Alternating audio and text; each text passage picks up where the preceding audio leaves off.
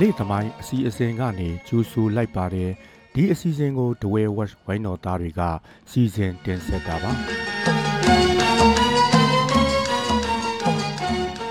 ဒီတစ်ပတ်မှာတော့စာရေးသူရနောင်ဒဝဲရဲ့ဒဝဲဒေတာမှရှီဟောင်းမြေစည်းတံဆောင်းပါးကို တင်ဆက်သွားမှာပါဒီဆောင်းပါးကိုဒဝဲ West website စာမျက်နှာမှာ2015ခုနှစ်ဩဂုတ်လ18ရက်နေ့ကတင်ဆက်ထားခဲ့တာဖြစ်ပါတယ်။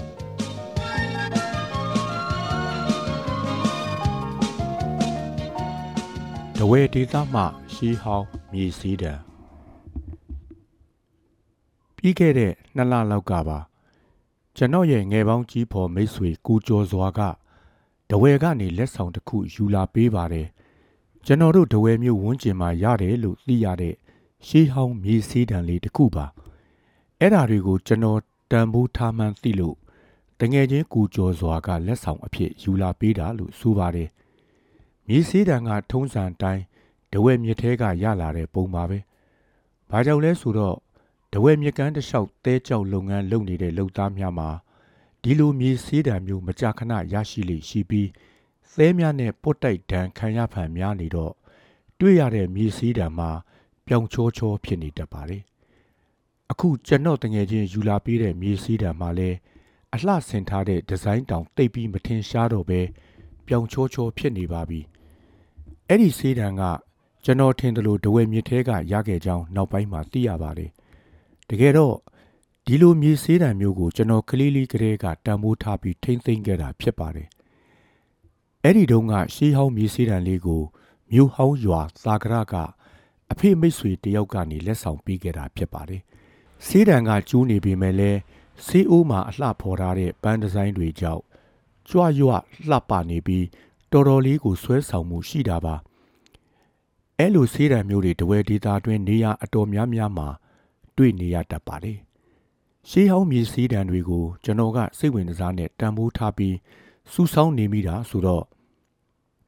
အဲ့ဒီစည်းတံတွေအကြောင်းကိုစိတ်ဝင်စားနေမိတာအဆန်းတော့မဟုတ်ပါဘူး။စိတ်ဝင်စားတယ်ဆိုတာကလည်းတဝဲမြို့ဝန်းကျင်မှာတွေ့ရလိရှိတဲ့ မြေစည်းတံတွေကိုသာစိတ်ဝင်စားတာမျိုးမဟုတ်ပဲမြမပြည်အောက်နဲ့အဝမ်းမှာပေါ်ပေါ်များများတွေ့နေရတဲ့မြေစည်းတံတွေအကုန်လုံးရဲ့အကြောင်းကိုပါစိတ်ဝင်စားမိတာပါဒါကြောင့်မြေစည်းတံနဲ့ပတ်သက်ပြီးပညာရှင်များလေ့လာတင်ပြထားတဲ့အချက်အလက်တွေကိုလက်လန်းမိတလောက်လေ့လာဖြစ်ခဲ့ပါတယ်။ကဘာပေါ်မှာစေးတံတောက်တဲ့အလေးထားကိုစတင်တီထွင်ခဲ့တာအမေရိကတိုက်ကဒေသခံတိုင်းရင်းသားအင်ဒီယန်လူနီ Red Indian များဖြစ်တယ်လို့ဆိုပါတယ်။ သူတို့ရဲ့စေးတံများကိုအနီရောင်သဲကြောက်နဲ့ထွင်းလုပ်ပြီးကယ်လီမဲလို့အမည်ပေးခေါ်ဝေါ်ကြတယ်လို့သိရပါတယ်။1586ခုနှစ်မှာအမေရိကန်ကိုလိုနီဗာဂျီးနီးယားပြည်နယ်ကနေဆေးတံတစ်ချောင်းလက်ဆောင်ပေးပို့ခဲ့တာကနေစပြီးဥရောပမှာဆေးတံတောက်ရှူတဲ့ဒလိစတင်ခဲ့တာဖြစ်ပါတယ်။အစပိုင်းမှာတော့ဥရောပတိုက်သားတို့ဟာဆေးတံမှာဘာတွေထည့်ပြီးတောက်ရှူရမယ်မသိသေးတာမဟုတ်ပဲ ဆေးမြစ်၆တွေကိုပဲထည့်ပြီးမိရှုတောက်ရှူခဲ့သေးတာပါ။နောက်ပိုင်းကျမှဆေးရွက်များစိုက်ပျိုးထုတ်လုပ်လာပြီးဆေးရွက်၆များနဲ့ရှူတက်လာကြောင်းမှတ်တမ်းများကဆိုပါတယ်။ကျွန်တော်တို့မြန်မာနိုင်ငံမှာပေါ်ပေါ်များများတွေ့ရလေရှိတဲ့ရှေးဟောင်းပစ္စည်းတစ်မျိုးကမြေစည်းတံအကျိုးအပဲ့တွေပဲဖြစ်ပါတယ်။တချို့ကအဲ့ဒီစည်းတံကိုတွေးလိုက်တာနဲ့ပြူစည်းတံပြူခစ်ကအသုံးပြုခဲ့တဲ့စည်းတံဖြစ်တယ်ဆိုပြီးတန်းကောက်ချက်ချတော့တာပါ။ ဘယ်လိုအထောက်ထားတွေကြောင့်အဲ့ဒီလိုကောက်ချက်ချတယ်ဆိုတာကိုလည်းအတော်လေးစိတ်ဝင်စားမိပါတယ်။ဆရာကြီးဒေါက်တာတန်းထွန်းကပေါ်များစွာ တွေ့ရှိရတဲ့မြေစည်းတံတွေကိုဘဲခစ်ဘဲခါကအသုံးပြုခဲ့တဲ့စည်းတံတွေဖြစ်တယ်ဆိုပြီးခံမှန်းပြောဆိုဖို့တော်တော်ခက်တယ်လို့ဆိုပါတယ်။မြေဆေးတံများဟာပုံစံခွက်နဲ့ပုံသွင်းပြုလုပ်တာမို့ဘယ်ဒီဇိုင်းကတော့ဖြစ်ဘယ်ခက်လက်ရာဖြစ်တယ်ဆိုတာကိုလည်းကွဲခြားရခက်ပါတဲ့။ထက်စဉ်းစားတဲ့အချက်တစ်ခုက 1940ခုနှစ်ဝန်းကျင်ဒုတိယကမ္ဘာစစ်ဖြစ်ခါနီးအချိန်ထိအင်းဝမျိုးဟောင်းတဒအူးဝန်းကျင်မှာမြေဆေးတံတွေထုတ်လုပ်နေတုန်းဖြစ်ပြီးပူရာအိုနဲ့ချင်းတောင်ဘက်တွေမှာကြတော့ပြီးခဲ့တဲ့ဆယ်စုနှစ်များအတွင်းထိမြေဆေးတံကိုအသုံးပြုနေကြတုံးတွေဆိုတာပါပဲမြမပြည်တွင်းအချို့နေရာတွေမှာအင်းဝအနာကထုတ်လုပ်တဲ့မြေစည်းတံတွေကို တွေ့နေရတာဟာခေတ်အဆက်ဆက်မြမစစ်တီတော်များယူဆောင်သွားတာမျိုးကြောင့် အဲ့ဒီဒေသတွေမှာကြံနေခဲ့တာဖြစ်နိုင်တယ်လို့ဆိုပါတယ်မိုးနယ်မိုးပြဲတီဘောကျိုင်းတုံစတဲ့နေရာတွေမှာတွေ့နေရတဲ့မြေစည်းတံတွေနဲ့ကျွန်တော်တို့ဒဝဲဘက်မှာတွေ့ရလိမ့်ရှိတဲ့မြေစည်းတံများဟာလည်းအဲ့ဒီပုံစံမျိုးနဲ့ရောက်လာကြတာနေမှာပါနောက်ပြီးဒဝဲဘက်မှာတွေ့ရတဲ့မြေစည်းတံဒီဇိုင်းတွေကလည်းအင်းဝဘက်ကပုံစံတွေနဲ့တူတယ်လို့သိရပါတယ် ဒေါက်တာတန်းထွန်းရဲ့စာတမ်းမှာစေးတံများကိုလေ့လာပြီးအခြေခံအားဖြင့်ပုံဖော်ထားတဲ့ဒီဇိုင်း17မျိုးရှိတယ်လို့ဖော်ပြထားပါတယ်အဲ့ဒါတွေကတော့1စီပိတ်သပိတ်ချီနဲ့အတန်2ကြာအိုးကြာယိုးနဲ့အတန်3သပိတ်ကြာမောက်ကြာလှန်သပိတ်ချီနဲ့အတန်4သပိတ်ကိုကြာပန်းနဲ့လုံအောင်ငုံပြီးအတန်ကိုပူလောက်အောင်လှုပ်ထားတာ5သပိတ်ကိုပြန်ဖော်ပြီးကြာကမပီမသပုံစံ6 အလှပတွေကိုစတိလောက်ပဲထည့်ထားတာ9တပိတ်ကိုကြာခံမြဲခံထားပြီးမဲ့အတန်ကိုအရင်မူလာထားတဲ့ပုံစံ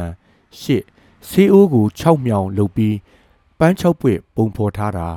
9ချူပန်းအခွေအလေးတွေနဲ့ဆေးအိုးနဲ့အတန်ကို အလှဆင်ထားတာ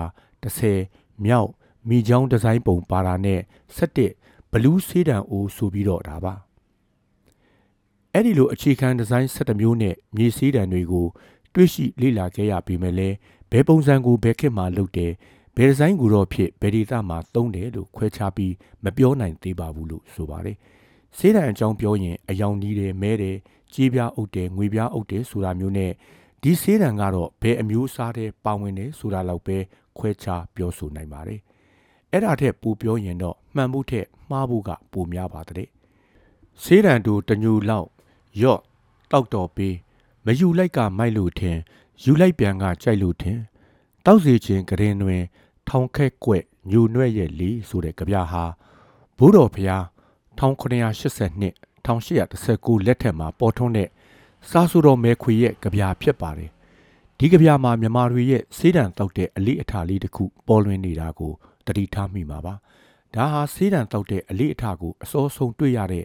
အထောက်အထားတရဖြစ်ကြောင်းလည်းသိရပါတယ်